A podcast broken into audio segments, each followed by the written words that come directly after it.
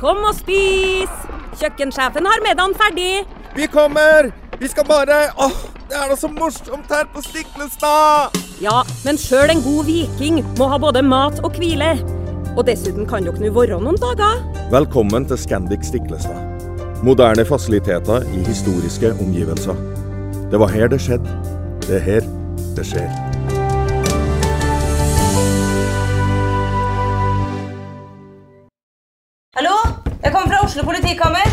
Ine Jansen er purk. Er du purk? The motherfucking bitch. Alt jeg vil, er å finne ut hva som skjedde med mannen min. Jon Carew. Er jeg sikta for noe? Iben Akeli. Det er du.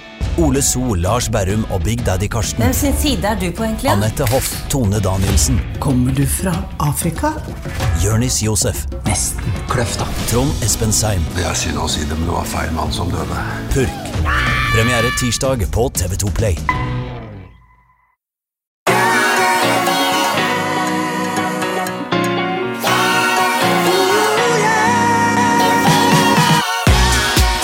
Vi er tilbake. Uh, Ole Petter, uh, forrige gang så snakket vi om barn og fysisk aktivitet. Uh, og da er det jo egentlig naturlig, syns jeg, å ha en veldig sånn fin rød tråd til dette med ADHD. Og jeg har tenkt litt på dette med ADHD fordi at det har vært mye skriverier om det. Jeg kjenner stadig flere som får diagnosen ADHD. Og så er dette at vi, vi snakka jo om barn. Eh, og jeg, akkurat, altså jeg, leser, jeg er jo snart ferdig med å lese boka di 'Sterk hjerne med aktiv kropp', og der har du ganske eh, spennende kapittel om dette med ADHD. Eh, hva, kan ikke du bare forklare først hva er ADHD? Du, ADHD er en hjernetilstand. Med vilje så kaller jeg ikke det en sykdom, jeg skal utdype det litt etterpå. hvor man ser at de som har fått denne diagnosen, de har noen klassiske symptomer som uh, ofte oppfattes som litt problematiske, iallfall i dagens samfunn. og Det er dette med hyperaktivitet, konsentrasjonsvansker, redusert impulskontroll. Og dette er en sykdom, tilstand, som eh, vi har kjent til i ca. 100 år. Men grunnsymptomene, spesielt dette med hyperaktivitet og konsentrasjonsvansker, er noe vi har kjent til siden steinalderen. Ja, for det er jo et eh, problem i dagens samfunn.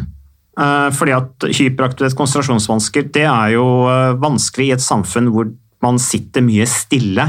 Og det gjør det jo også et poeng av i boka di. at liksom hvorfor, er det, hvorfor er ADHD så tydelig nå? Det har jo da med at vi legger opp samfunnet nå, særlig i skolehverdagen, til at barn skal sitte stille, som vi snakka om på forrige podkast, at det egentlig er ganske unaturlig for små barn som vokser og, og skal egentlig være ute og, og lære eh, og bygge opp motorikken og lære gjennom bevegelse. Men eh, hvorfor eh, Altså jeg har snakket med min far om det også, og han, jo, han mener jo at det det er en del toppidrettsutøvere som har ADHD. Eh, Og at eh, et par av de, eh, hvis man hadde medisinert de, så hadde, så hadde de aldri blitt verdensmestere, mener min far. da.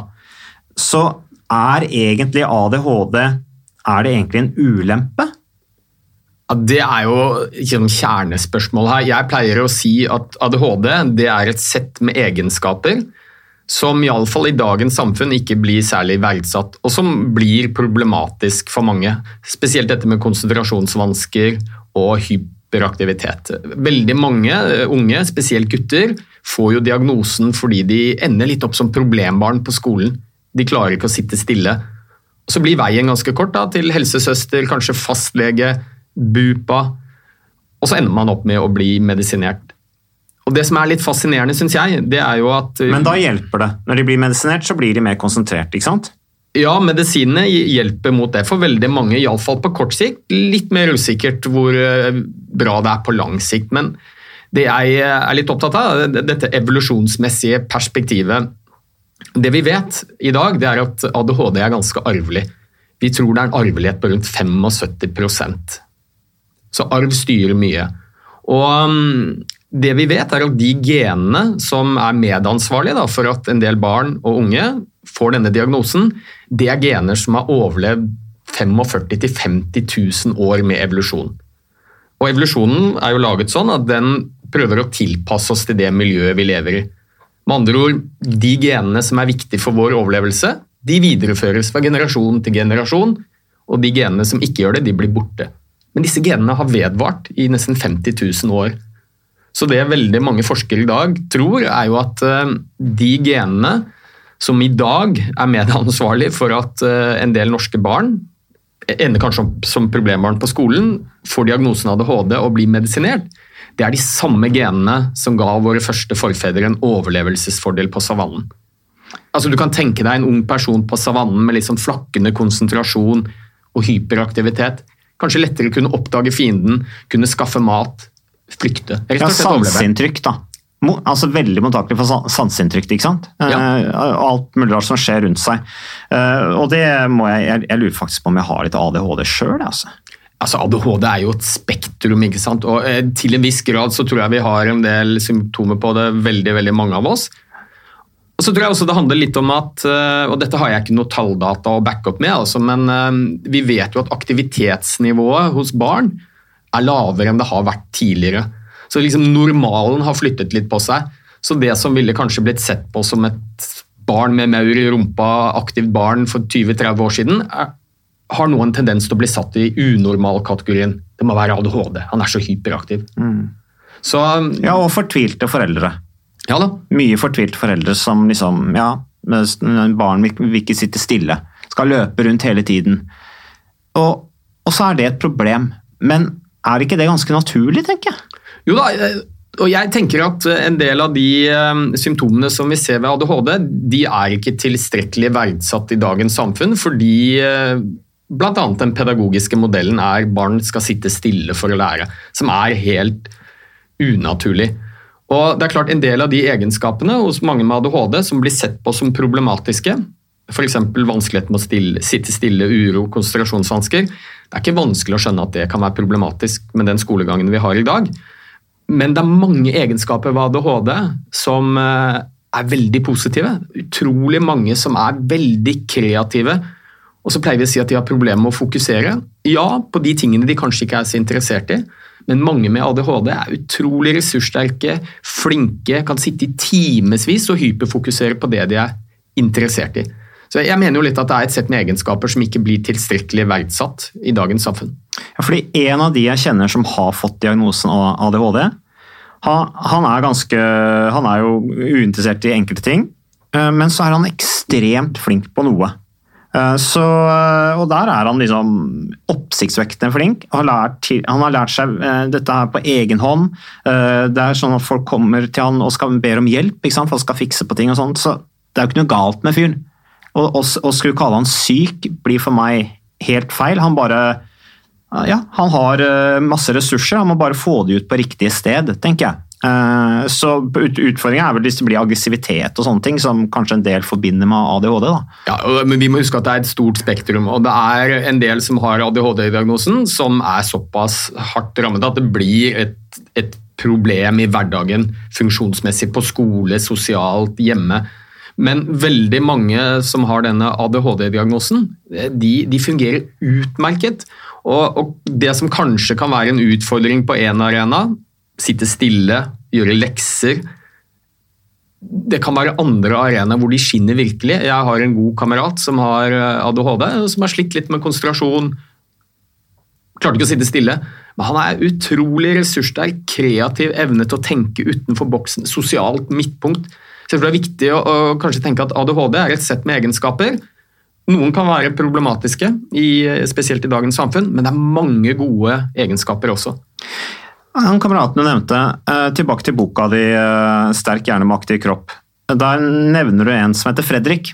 Eh, er det samme person? Ja, la oss kalle han Fredrik. Det er ja. ikke hans virkelige navn, Nei. men han er anonymisert. Ja, for Da beskriver du jo han Uh, som, uh, som, en fyr som uh, ville begynne å hoppe fallskjerm. Ja. Og så var det vel Det er mulig jeg tar feil her nå, så du må bare korrigere meg, men han fikk ikke legeerklæringen som skulle til for å kunne hoppe fallskjerm. Uh, og så fikk han det allikevel, det var vel gjennom deg. Og så endte det med at han var på landslaget i fallskjermhopping sammen med deg også. Jeg visste faktisk ikke at du hadde vært på landslaget i, i fallskjermhopping, jeg visste at du var norgesmester i maraton, men det har du også gjort. Uh, så var dere på samlinger sammen. Eh, og så så dere hvordan han utvikla seg de dagene han ikke hadde tatt medisin, og de dagene han hadde tatt medisin. Men så begynte han å trene fysisk, fordi dere la opp til fysisk trening på fallskjermlandslaget. Og så begynte han å kjenne på de egenskapene, og så gikk han vel gradvis vekk fra medisin, var det så? Og bare drev med fysisk aktivitet? Ja, altså Han eh, begynte på medisiner da han var ganske ung, og så fungerte det rimelig greit. Men så opplevde han at uh, når han tok medisinene sine, så ble han en litt tammere versjon av seg selv, sa han. Så han likte seg selv egentlig bedre da han gikk uten medisiner. Da var han høyt og lavt og sosialt midtpunkt og hadde litt problemer med å konsentrere seg. Så da vi skulle begynne å hoppe fallskjerm, som jo er en konsentrasjonsidrett, du skal drive med formasjoner i luften i 200 km i timen, så ble det litt problematisk. Jeg husker første gang vi skulle ut på hoppfeltet og trene, så dro vi for å hente han. Og Da sto han inne og var på iPaden sin mens han pusset tenna og spiste cornflakes samtidig. Altså, han hadde glemt hele tiden. og Han glemte å gå på flyet når vi skulle opp og hoppe. Han var videomannen vår, så han skulle filme alt. Og Så sa jeg til han, vet du hva, jeg syns du skal begynne igjen med medisinene dine. Det, er, det tror jeg du er avhengig av når du skal hoppe med oss. Så begynte han. Men så begynte han samtidig å trene, for det var en viktig del av vår trening for fallskjermhopping. Du må bruke huet, du må være konsentrert. Så, og det gjorde en forbløffende endring altså, i, i, hans uh, liv. Så, han hadde ikke trent tidligere eller brukt fysisk aktivitet noe særlig tidligere? Ikke i, ikke i, det hele tatt. Og jeg kan fortelle en litt morsom historie. Du er jo tidligere syklist, uh, så vi sykla en del. Og da vet du det at det som er veldig fint med sykling, er at hvis man er i litt forskjellig form, så kan du la han som er i dårligst form, ligge bakerst. Og, ja, ligge på hjulet. Ligge på hjulet. Mm. Så, så, vi sa det til han. Du kan bare ligge på hjulet, og så roterer vi på å dra i front. Så prøvde han på det, og så sykla vi en tur som var tre mil. Vi hadde jo GPS-er alle sammen. Problemet var at han hadde Vi hadde 30 km, han hadde 33. Han klarte ikke å holde seg, han drev og sykla fram og tilbake og virvla rundt. vet du. Så det var hans ADHD. Far for trafikken, da?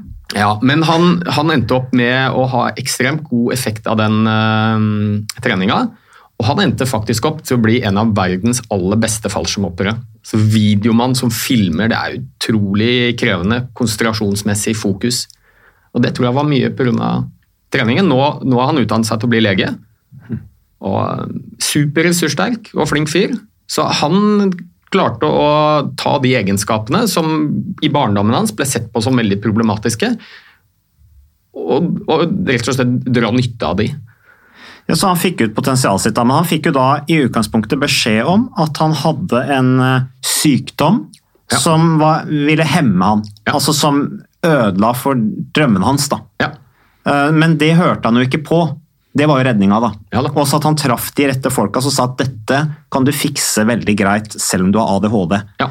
Utfordringa er vel de som får beskjed om at nei, du har jo ADHD, eh, så du har jo et dårlig utgangspunkt, så du kan jo ikke gjøre ditt og du kan jo ikke gjøre datt.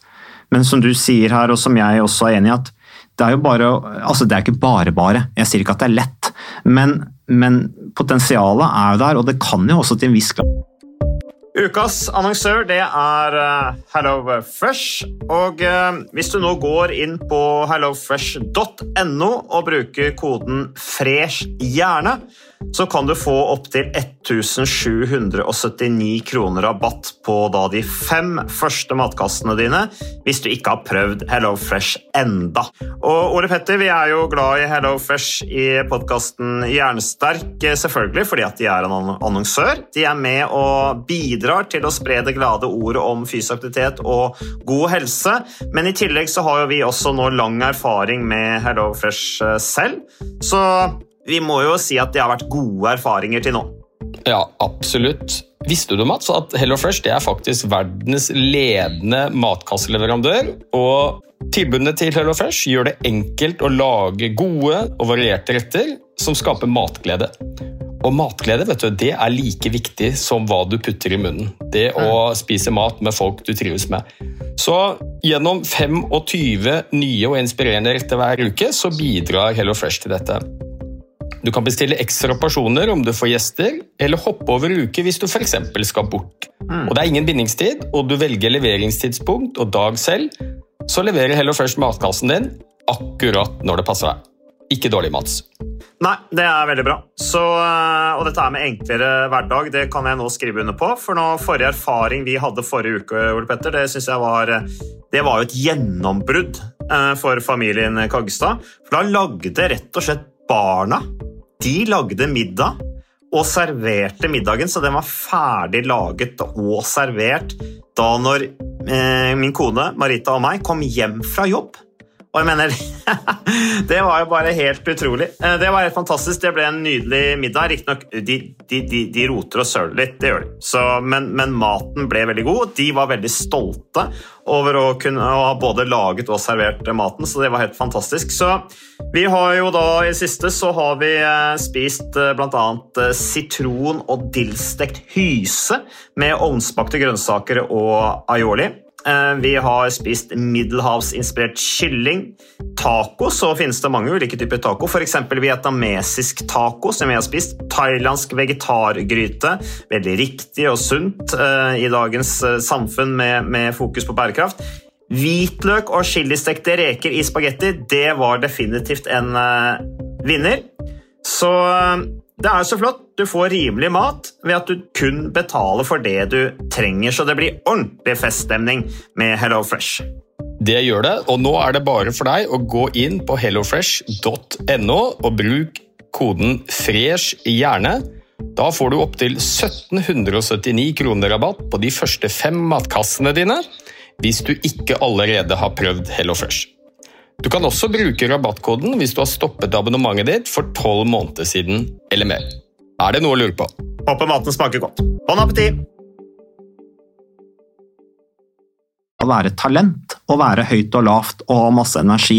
Og selv om du har slitt litt med å konsentrere deg, så må du bare ta litt Så kan du jo ta forbehold for, til det. da. En ting er medisinene, men fysisk aktivitet hjelper deg også å bli mer, mer konsentrert. Og vi skulle jo spille inn podkast i dag, eh, og da tenkte jeg ok, hvis jeg drar ut og løper eh, tidlig i dag, så vil det gjøre meg mer konsentrert når vi har den podkasten. Så, så, for meg også så føler jeg at jeg blir mer konsentrert når jeg får trent først, eller når jeg kommenterer sykkelritt på TV 2 og sånne ting. For jeg har trent først, så føler jeg meg mye skarpere når jeg sitter i timevis og kommenterer. Så det er jo en sammenheng der om jeg har noen slags sånn diagnoser eller ikke, det vet jeg ikke. Men du påstår jo også i boka di, Ole Petter, at alle har kanskje en liten grad av ADHD. Ja, altså med det så mener jeg, altså ADHD er jo en diagnose som er litt vanskelig å stille også. For det er jo ikke noe blodprøve eller noe røntgen-MR-bilde du kan ta. Det er en uh, skjønnsmessig vurdering basert på masse spørsmål primært. da. Mm. Uh, og jeg har jo litt for moro skyld det er sånn 17 siders skjema du må fylle ut, uh, hvor det er spørsmål om forskjellige symptomer i barndommen og i voksen alder. og når jeg fyller den ut, så er det jo ganske mange ting jeg scorer høyt på. Og, det tror jeg veldig mange vil gjøre også. Så det er, det er jo ikke en sånn veldefinerbar tilstand sånn enten har du den, eller så har du den ikke. Det er litt sånn glidende overganger og et ganske stort spektrum. da. Men stakkars små eh, altså ADHD-folk som skal til utredning for ADHD, må de svare på et 17 sider langt skjema? Det høres jo ut som de kommer til å stryke på den testen i utgangspunktet, hvis de sliter med å konsentrere seg? Ja, da, altså Dette er en lang prosess. Veldig ofte så starter jo, spesielt for gutter, da, det er gjerne guttene som får eh, diagnosen først, og, det er ofte fordi de eh, blir sett på som litt problembarn på skolen for de ikke klarer å sitte stille. Det er mange jenter som har tilstanden også, men de oppdages ofte litt seinere. Gjerne ved at de tar kontakt med legen sin litt senere i livet fordi de syns det er vanskelig å konsentrere seg. Det er iallfall det vi tror. Men eh, ja, man blir fanget opp på skolen, så er det helsesøster, og så er det fastlege, og så gjør vi en sånn screeningundersøkelse alle disse spørreskjemaene, som jo foreldre må fylle ut for de minste barna. Og så henviser man eventuelt videre til spesialisthelsetjenesten. Mm. Så, men det jeg tenker er litt uh, interessant, det er at uh, det er veldig mye medisinering av barn med ADHD. I dag så er det 20 000 norske barn og unge under 19 år som står på Ritalin, som er det legemiddelet som brukes aller mest. Og det er en del barn som har veldig god nytte av disse medisinene, men i store studier så viser det seg at effekten avtar over tid. Og jeg tenker at Noe av det aller viktigste vi kan gjøre før vi begynner med medisiner, som jo noen trenger, men langt ifra alle Dette er medisiner med mye bivirkninger. Mm. Så kan vi starte med det vi vet er enkelt og som funker. Og, og det er fysisk aktivitet. Det er mange studier nå som viser at det å være i regelmessig fysisk aktivitet, det tyder på at det, altså det, det gjør at det er færre som ender opp med denne diagnosen. Men det er det ikke noe tro på, da. Eh, Det med fysisk aktivitet. Hvorfor, hvorfor gjør man det ikke mer, da? Nei, det er nok ganske underkommunisert. Eh, Altså, dette er ikke noe vi har lært, vi leger eh, i, i studietiden heller. Og noe av det aller mest interessante på forskningsfronten er noen studier som er gjort ved Universitetet i Oslo, hvor det er ganske mye som tyder på at den hyperaktiviteten man ser ved ADHD, det er ikke en del av tilstanden, det er egenbehandlingen. Altså rett og slett at man ser at når man er i fysisk aktivitet, så skiller vi ut laktat, melkesyre, som du selvfølgelig kjenner godt til, som går inn til hjernen, og så får man mer For det er et næringssubstrat for nervecellene.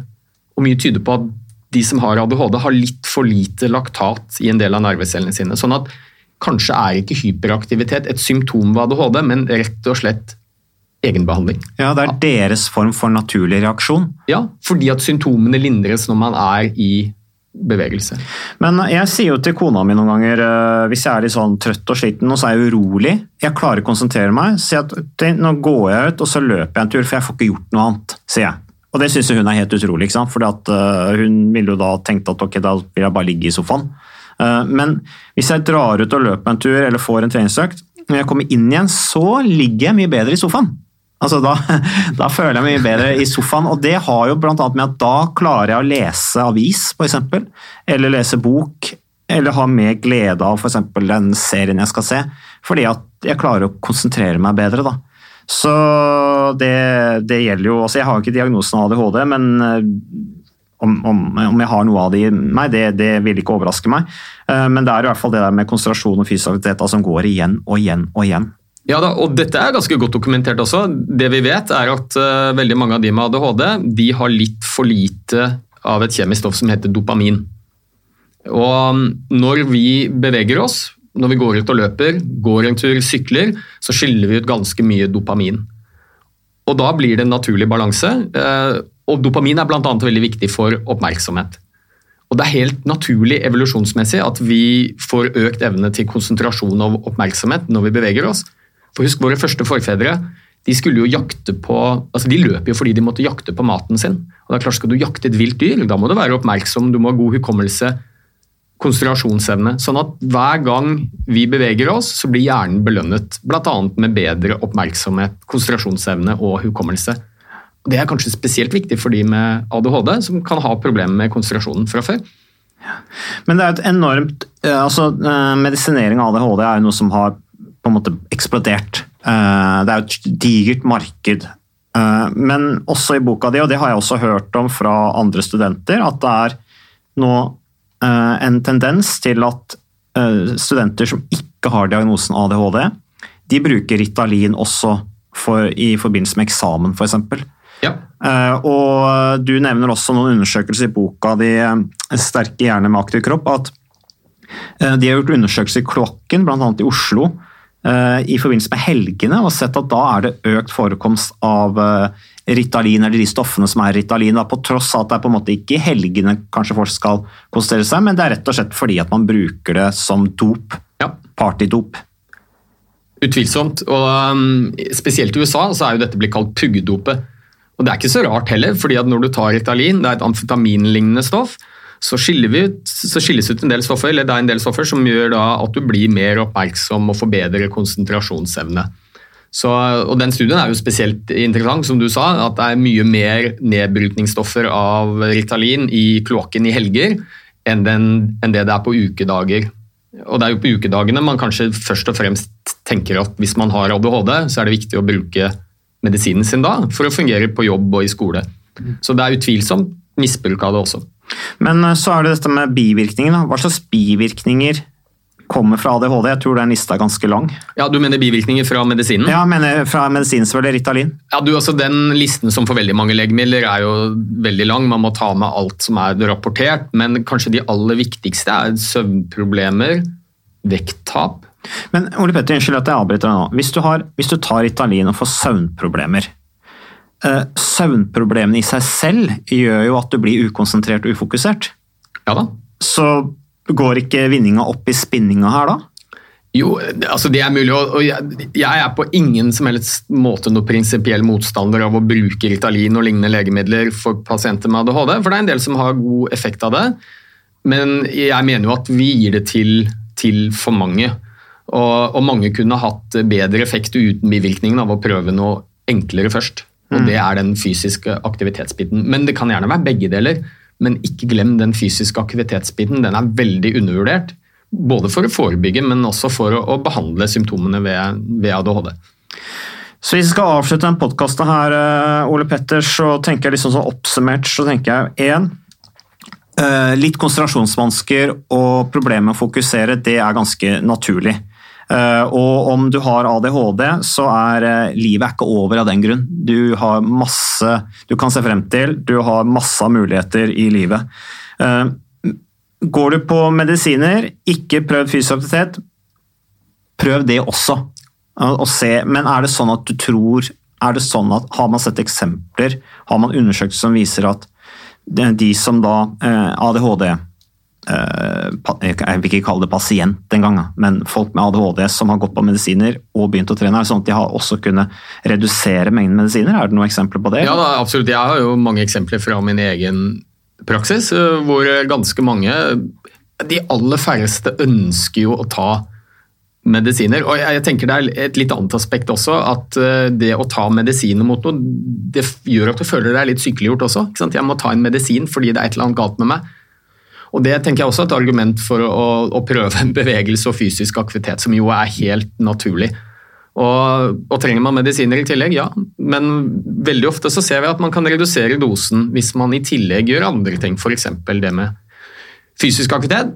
Og så tenkte jeg skulle avslutte med et litt sånn eksempel fra min sønns hverdag. da, For å illustrere litt hvordan man kanskje forholder seg til dette også, og dette med skolehverdag. Jeg har en gutt på åtte år, og han er veldig aktiv. Han sliter, Heldigvis. Heldigvis. Og han sliter litt med å sitte stille for lenge av gangen. Da blir han veldig fysisk urolig og blir litt sånn uromoment i klassen.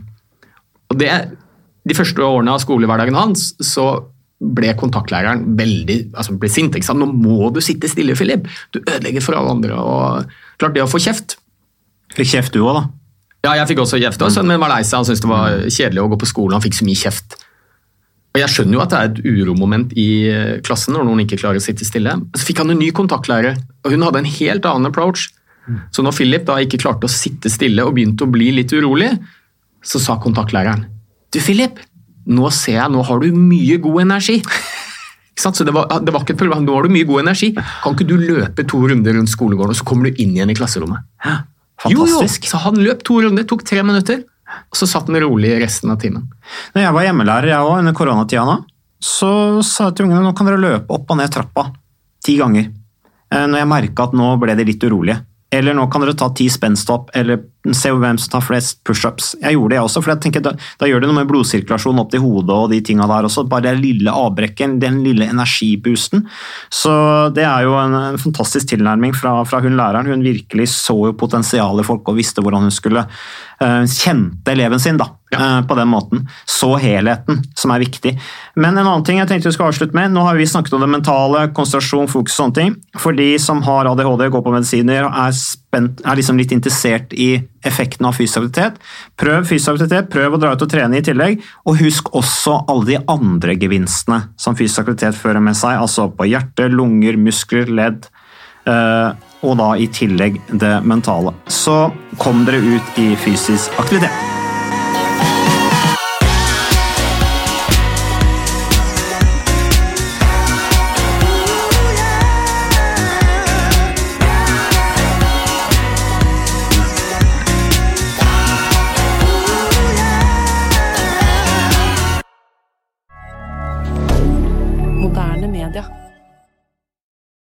Har du et enkeltpersonforetak eller en liten bedrift?